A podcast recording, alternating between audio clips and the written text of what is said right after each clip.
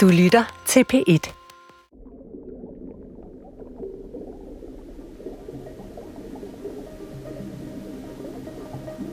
Under fødslen, da det var, det gik i gang, så vidste jeg, at jeg ikke kunne tænke for meget på Lasse. Puk er på sygehuset for at føde sin anden søn. Det er december 2012, tre måneder efter at hendes mand Lasse dør. Puk er enke, 26 år, og alene med sønnen Elmer på to. Og nu går fødslen i gang. Hvis det var, at jeg begyndte at tænke på ham, så ville jeg ikke kunne klare en fødsel, hvis det var, at mine følelser til over, fordi de gjorde mere ondt end fødselssmerten, og det gør ondt. Omgivet af sin lille søster Emma, et par gode veninder og en jordmor, føder Puk sin anden søn i et fødekar på Skyby sygehus. Efter han var ude, så bød jeg Lasse velkommen igen. Og så græd jeg. Altså det der med at ligge med et barn. Det her, det her fine barn. Han lignede oven i købet Lasse. Det skulle Lasse da have set. Og Kai han skulle have set sin far.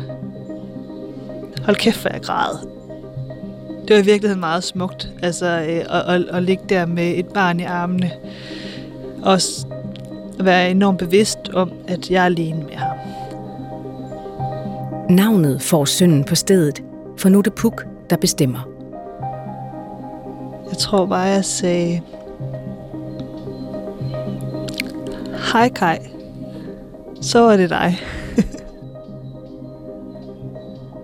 Du lytter til Puks to mænd.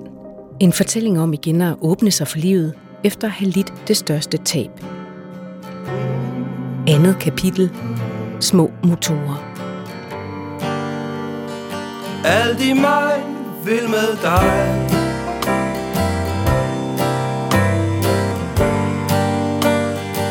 dig vil med, tag mig med Lad os danse gennem livet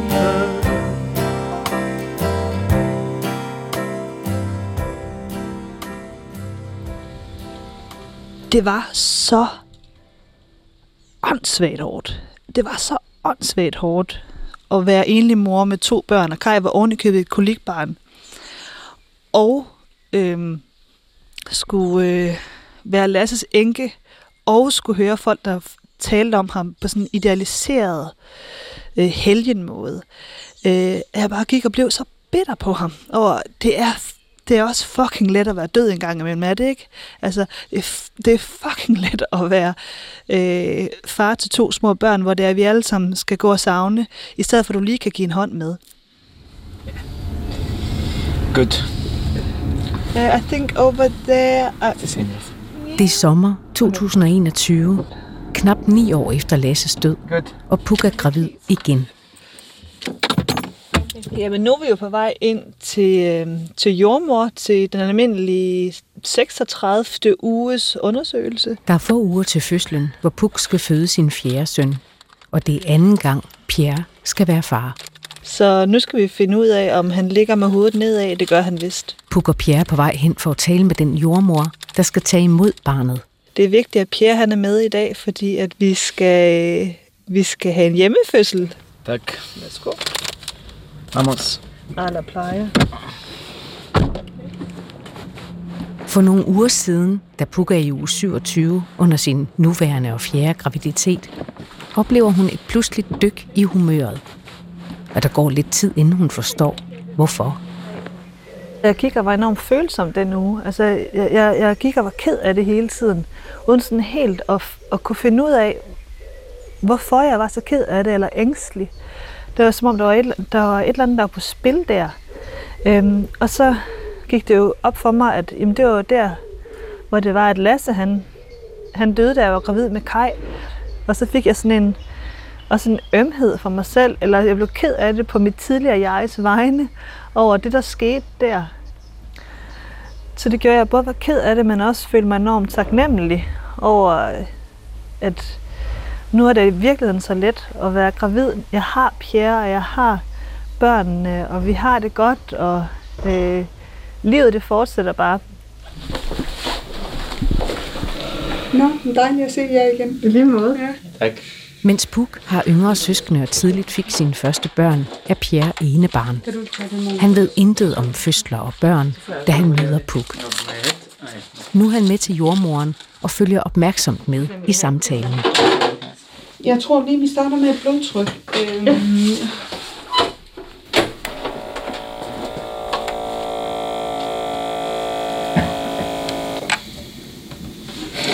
126 år 78. det er nydeligt. Er det godt? Det er Meget så fint. normalt, som det kan være. Nå, det er også det, jeg gik efter. Jo, så, så ramte vi jo. At have Pierre helt tæt på, står i skærende kontrast til den forladthed og sorg, der rammer Puk de sidste måneder af graviditeten med Kai, hvor hun er alene efter Lasses død. Altså sorg, det er jo kærlighed. Og det er sådan meget... Sorg, det er også en meget ufortyndet kærlighed. Jeg havde sådan brug for, at han gav mig et eller andet. Og det var også i den periode, hvor at jeg sådan begyndte at kigge efter tegn øh, efter ham. Altså, at han sendte en, en fugl ned, som der ville lande på min skulder, eller at han formede et hjerte i en sky, eller et eller andet. Han skulle bare give mig et eller andet. Øh, fordi det, på en måde så virkede det rimeligt, at han også gav mig lidt tilbage, fordi at jeg savnede ham så meget. Der er en kærlighed, man har mistet til sin mand. Øh, den der, det kæmpe hul, som man har i sig, som der ikke er nogen andre, der kan fylde op. Og så kan man glæde sig over, hvor kærlige venner man har, og hvor sød en familie, og hvor omsorgsfulde de er. Det, øh, og det gjorde jeg virkelig også. Og det er heller ikke sådan, at øh, kærligheden til børnene, at man så kan sige, at, at, øh, at til gengæld så har jeg kærligheden for børnene. Men det er noget helt andet. Altså, det kan ikke erstatte den øh, romantiske kærlighed, eller den erotiske kærlighed, om man vil, til en partner. Det er ikke det samme. det, det, de går to forskellige steder hen.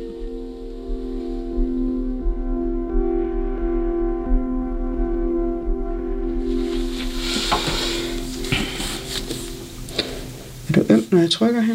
Nej, ikke noget særligt. Er sådan lidt. Puk lægger sig op på briksen, og jordmoren tager med kyndige hænder fat i maven. Den står lodret op, stor og udspilet. Kunne du trække vejret godt ind? Og så pus godt ud. Pus ud, pus ud, pus ud. Det er et hoved, der står her. Ingen tvivl om det. Jordmoren presser trærøret mod Puks mave og kalder på Pierre. Okay. Vil du høre med? Ja. Prøv at- It's, mo- it's more like a feeling. Not, not, not um, a sound, more like mm-hmm. a feeling. Yeah. And you have to push a little more. little more. And then you take off your hands. Yeah. And it's like, Uh, yeah, yeah. Cool. you can hear it? yeah. Oh, nice. Da Lasse dør i 2012, er der dage, hvor Puk er tyndsligt. Det tærer på kræfterne at være alene med to små drenge. Der var nogle gange, hvor det var, at jeg ligesom prøvede den tanke af i forhold til, at jeg vil egentlig bare gerne forsvinde. Altså, hvor jeg gerne vil skride fra det hele, hvor jeg gerne vil tage nogle sko på og gå ud af en vej og bare aldrig nogensinde komme tilbage. Men, men den var øh, falsk, den tanke. Fordi jeg, jeg kunne samtidig mærke, at øh, jeg ville rigtig gerne være i live. Selvom jeg kunne sige, at øh, jeg gider ikke det her lorteliv længere. Det kunne jeg ikke bruge til noget, fordi det skulle jeg jo. Elmer han vågnede stadig om morgenen. Han skulle stadig øh, have skiftet blæ. Babyen voksede stadig i min mave. Der var stadig hele tiden sådan en, en fremdrift, som der hele tiden skete af sig selv. Altså sådan, de var sådan to små motorer, som der hele tiden øh, begyndte at summe hver eneste morgen. Det at have børn, det var på en eller anden måde et, et svar for mig. Altså øh, på det med, om, om jeg skulle leve. Jamen, hvis, hvis ikke for min egen skyld, så i hvert fald for børnenes i første omgang. Samtidig så, så gjorde de jo også, at de afholdt mig fra enormt mange af mine egne følelser, fordi jeg hele tiden blev afbrudt i det, som jeg følte, eller det, jeg var, fordi at, at det var hele tiden vigtigere, at børnene havde det godt. Så, så der var hele tiden nogle børn, som, hvor deres behov de kom før mine egne. Og det, det var en, i virkeligheden en god distraktion øh, fra min egen sorg. samtidig så gør den nok også, at min egen sorg, den er, den er ubearbejdet på mange måder i dag. Fordi at jeg ikke øh, har tilladt den eller haft tid til, til sorg. Det, det er jo svært overhovedet at få tid til søvn og til noget som helst andet, når det er, at man har to små børn. Øh, så det der med at gå ned i, i, i dybe følelser, det, det er der faktisk ikke tid til, hvis så kommer der et barn og, øh, og skal have bryst eller øh, knækbrødsmad.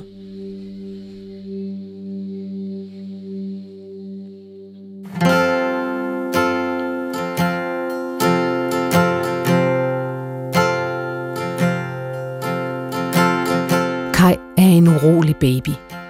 Hans skrigeture holder Puk i bevægelse. Hun går op og ned ad gulvet, mens hun vugger ham i armene. Puk, der ellers altid rækker ud efter bøger og litteratur, kan ikke komme til at åbne en bog, for Kai skriger, så snart hun sætter sig eller står stille. Lysende måne over overløs eufori Nær havets brusen og bålets knitrende symfoni i stedet lytter hun til musik og til teksterne på albummet Troen og Ingen. Med sange, som musiker og sanger Søren Hus skriver, da hans kæreste dør i en trafikulykke, og han bliver alene med deres datter. Sangen, som mejslet i massiv granit, bliver Puks ventil.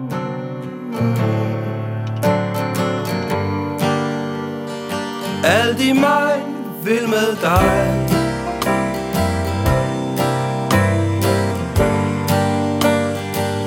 vil med, tag mig med Jeg kan huske, at Kai han ville jo ikke sove. Jeg gik rundt i flere timer altid med ham. Øhm, og så hørte jeg det her nummer højt, øhm, for at finde en rytme i min gang, for at få ham til at sove. Og så samtidig så kunne jeg få lov til at kombinere min egen sorg og det at få barnet til at sove øh, ved at høre det her nummer. Fordi Søren Hus han sætter, øh, sætter ord på den længsel, øh, som der er efter øh, en, en partner.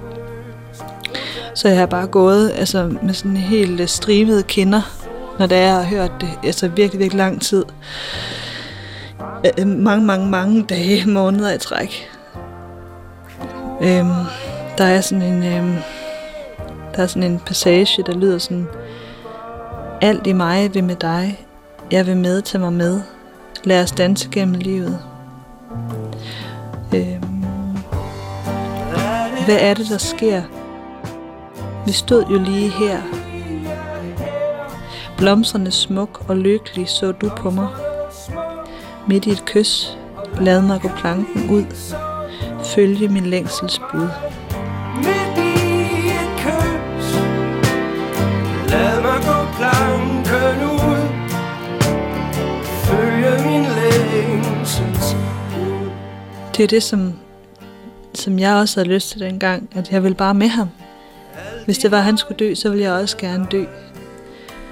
Jeg ville helst have, at han skulle leve, men hvis det var, at han skulle dø, så ville jeg bare med. Og samtidig så, øh, så ville jeg jo ikke dø. Jeg ville gerne leve i virkeligheden. Men at kunne få lov til at synge den tanke ud, altså at lytte på en anden, som der sang den, det var sådan en lettelse. at bare få lov til at græde rigtig meget igennem. Øhm, for jeg gik jo hele tiden gennem dagene med sådan, altså jeg var sådan en stor klump i halsen. Jeg var så træt og en stor klump i halsen. Jeg var bare så ked af det hele tiden.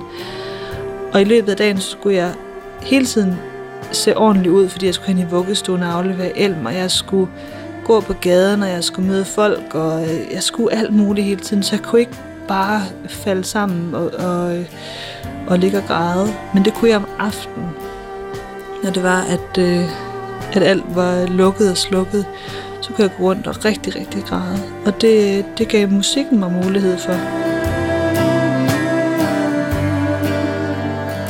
Mejslet i massiv Det er en helt vildt smuk sang. Elsker dig for evigt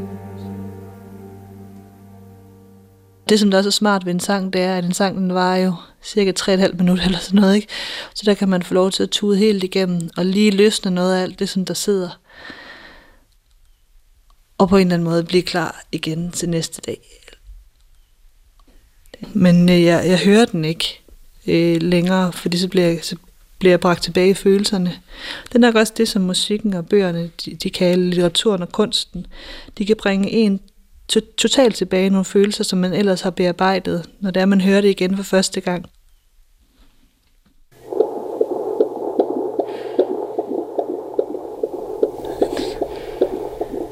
Oh, nice. Under sin fjerde graviditet i sommeren 2021 er Puk ikke alene. Pierre er med, og de kan dele glæden over at høre barnets hjerterytme. He sounds happy, I think.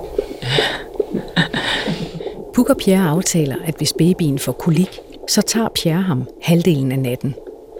Jeg håber, at han er sådan en baby, der sover. det tror jeg, det har været min bekymring lige siden jeg fandt ud af, at jeg var gravid. Det var, om han er sådan en, der sover. Fordi hvis det er, at babyen sover, så, øh, så kan jeg rigtig mange ting. Hvis det er, at øh, jeg ikke får søvn, så bliver jeg lidt... Øh, så skrænter jeg lidt. Jeg er simpelthen så bange for at miste søvn. Altså, jeg er sådan helt traumatiseret i forhold til det der med øh, babyer og søvn, fordi at jeg mistede så meget søvn i så lang tid. På grund af først øh, dødsfald og sorg, og så spædbarn. Og jeg tror nærmest, jeg har sådan et angstpræget forhold til at have et spædbarn. Altså, øh, i forhold til søvnen. Jeg er ikke, ikke bange for at skifte blære. Jeg er ikke bange for, øh, at han skal have sin første vaccine.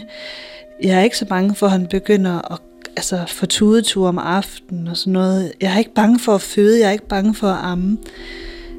Men jeg er bange for nætterne. Altså, det sidder fuldstændig altså, i mine knogler. Altså, den her følelse af hele tiden at få stjålet sin søvn, men aldrig nogensinde kunne komme ovenpå igen.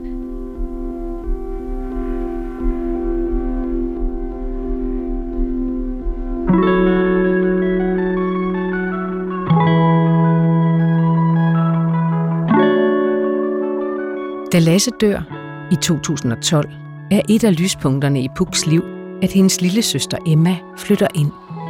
Emma, hun var sådan en, som der pussede næse og læste bog og sang godnathistorie og gik ture, og hun gav sådan en rigtig rar, solid base også til børnene. Søstrene lægger en madras på gulvet ved siden af toårige Elmers seng. Her sover Emma og tager sig af Elmer, når han vågner om natten. Hun var sindssygt god til at øh, se, hvor der er behov for hende, og gøre enormt meget praktisk. Og ikke hele tiden stille så mange spørgsmål i virkeligheden. De to søstre skaber en fast struktur på hverdagen med hver deres roller. Puk sørger for maden og det derhjemme på barsel med Kai, og Emma går på arbejde og afleverer og henter Elmer i vuggestuen.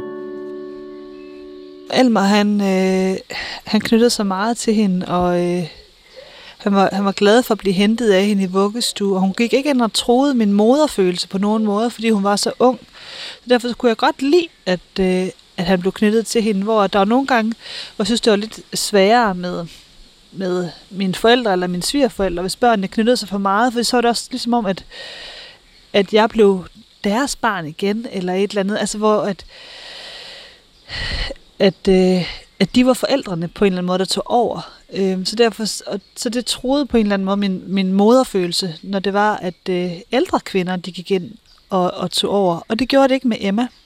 Øh, hun var egentlig bare moster. Emma er der også for Puk, når hun er modløs i sofaen om aftenen. Hun var der bare. Og hvis jeg græd for meget, så græd hun med mig. Øhm, men hun afkrævede mig ikke nogen øh, svar eller konklusioner. Hun, hun, hun var bare sådan et, et sødt, stille selskab i virkeligheden. Hvor at, øh, at når det var, jeg havde besøg af veninder, de, de stillede mange spørgsmål, de ville gerne hjælpe. Altså, de ville gerne hele tiden øh, sige noget godt, eller altså... Men er du ikke også glad for, at øh, du har børnene, eller øh, er du ikke også glad for, at øh, det gik så godt med fødslen, eller prøv sådan hele tiden at lave nogle lidt positive sløjfer på en, en trist historie. Sådan var det ikke med Emma. Altså hun var der i virkeligheden bare. Og det var det, var det bedste, hun kunne, kunne være. Øh, bare til stedværende i virkeligheden. Nogle af os træder et skridt tilbage eller undviger, når vi møder en, der har mistet. Enten i misforstået hensyn, eller fordi vi ikke ved, hvad vi skal sige. Puk oplever, at hendes familie og venner træder til. De tilbyder at hjælpe, men hun trækker sig. De kunne godt lide at lægge hånden på min skulder og, og nusse mig og, og spørge mig, hvordan det gik. Øh, men øh, jeg havde brug for at være alene med min sorg noget mere. Og jeg fik sådan en nærmest en aversion øh, mod berøring i den periode. Jeg kunne ikke have, de rørte mig. Øh, og det var kun børnene, der i virkeligheden måtte røre mig. Folks gode hensigter, det kom også forstyrret i virkeligheden. At, øh, at de spurgte så meget. Øh, der er nogle gange, hvor det er, at man, man siger, at man skal, øh, man skal hele tiden tale om det tale om sorgen, tale om de svære følelser, og det skal man også. Men man kan heller ikke tale det væk. Altså, der er også nogle gange, hvor det er, man skal lade være med at tale om det. Der er også nogle gange, hvor man bare skal føle det, eller være alene med det. Jeg fik rigtig meget kærlighed fra mine børn, og jeg gav mine børn rigtig, rigtig meget kærlighed. Og jeg fik rigtig meget kærlighed fra mine venner og min familie. Men det kunne aldrig opveje den kærlighed, som jeg ikke fik fra Lasse. Det der med, at, at man har ikke nogen, der giver den tilbage. Efter Lasses død er Puks følelser for ham mangefacetteret og modsatrettede. Hun elsker ham og savner ham, men er også bitter og vred. Jeg har været vred på ham over, at han, han døde, og han efterlod mig i en umulig situation – og hvor jeg også begyndte sådan at tænke sådan, kunne du mærke det også, Lasse, da det var, at da du løb halvmarathon, altså pressede du dig selv for hårdt, øh, altså begyndte at give noget skyld til ham. Og det er jo, altså, og det er jo helt urimeligt, fordi at det var ikke hans skyld, det var ingen skyld, han døde. Men det var sådan en, som jeg kom til, eller hvor det var, jeg, jeg, jeg endte der lidt i noget bitterhed, og, og bitterheden, den er virkelig farlig. Vreden, den er god og raseriet den er god, og den holder jeg også fast i i dag. Øhm, men bitterheden, den er rigtig, rigtig farlig, fordi at den ætser og syrer. Og jeg tror, at, at bitterheden, den kunne jeg ligesom forlade det, det var, at jeg tillod vreden. Også være sur på ham og sige det.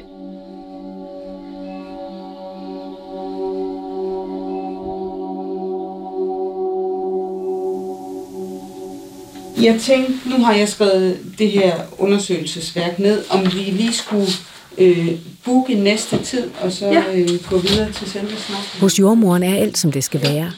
Denne gang kan Puk læne sig ind i Pierre. Is there any chance that the, the baby will be born before that? you never know. Because it's pretty big. yeah, good. Perfect. Det er en helt anden Puk, et helt andet sted i livet, end dengang i 2012. Jeg har en plan for fødslen. Vi er to forældre, der tager imod et barn den her gang. Jeg skal ikke føde alene. Jeg skal ikke øh, finde på en, en plan B, så det gør så ondt. Det gør så ondt at lave en plan B, når det er, at man har en naturlig plan A med, at et barn skal fødes, en mor og en far skal tage imod det. Øh, dengang så var plan B jo, et barn skal fødes, der er kun en mor, øh, og så nogle nogle, en søster og nogle veninder, der tager imod det. Man prøver at, at kæmpe sig igennem. Jeg synes, det lyder trist, når jeg bare beskriver det her, selvom man prøver at gøre det glædeligt. Det er noget glædeligt, der er et barn på vej. Men dengang, der var det også en kæmpe sorg, fordi at der, det kun var, var mig eller hende, hende Puk, øh, som der var til at, at tage imod det øh, og glæde sig over det. Jeg tænker nogle gange over, at over lykken og glæden, at den er meget, meget tung at bære alene. Det er meget rart at være to om at bære øh, glæden. Indimellem bruger Puk tredje person, når hun taler om sig selv og sine oplevelser, dengang da Lasse dør. Jeg øh, synes, det var for synd for mig selv, for det var skidehammerende synd. Og det, det er nogle følelser, jeg aldrig forliger mig med. Øhm, og hvis det er, jeg begynder at sige jeg, mm, så, så er jeg bange for, hvad det kan gøre ved mig. Det er jo stadig mig, men alligevel så er det jo ikke, det er jo alligevel ikke mig, fordi at, at den kvinde, som der fødte et barn selv, hun har jo udviklet sig enormt meget. Øh, hun har været i stand til at stå imod rigtig meget. Hun var sindssygt sej. Altså, jeg har også en stor respekt for den kvinde. Jeg tror faktisk også, at det er noget, som jeg er kommet frem til nu. Øh, og have en stor respekt og ømhed for den kvinde, jeg var engang. Fordi at, at øh, hun var så ung, og så klarede hun alt det. Jeg har noget at leve op til i forhold til, til det, som jeg har været igennem. Og jeg er faktisk glad for, at jeg ikke behøver at være så sej mere.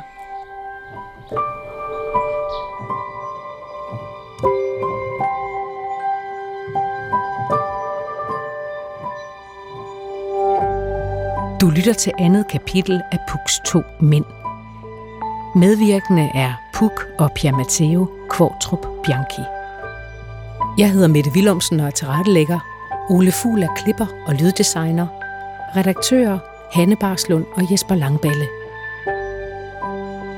Da det var, at jeg var gået forbi ham, så kiggede jeg lige tilbage, og så kiggede han også op på mig. To år efter Lasses død møder Puk og Pierre hinanden i et tog på vej til København, og de forelsker sig lidenskabeligt. Det der med, at man kan ikke få nok af et andet menneske, man har lyst til nærmest at æde ham. Den historie får du i næste kapitel. Alle fire kapitler ligger i Det er lyd.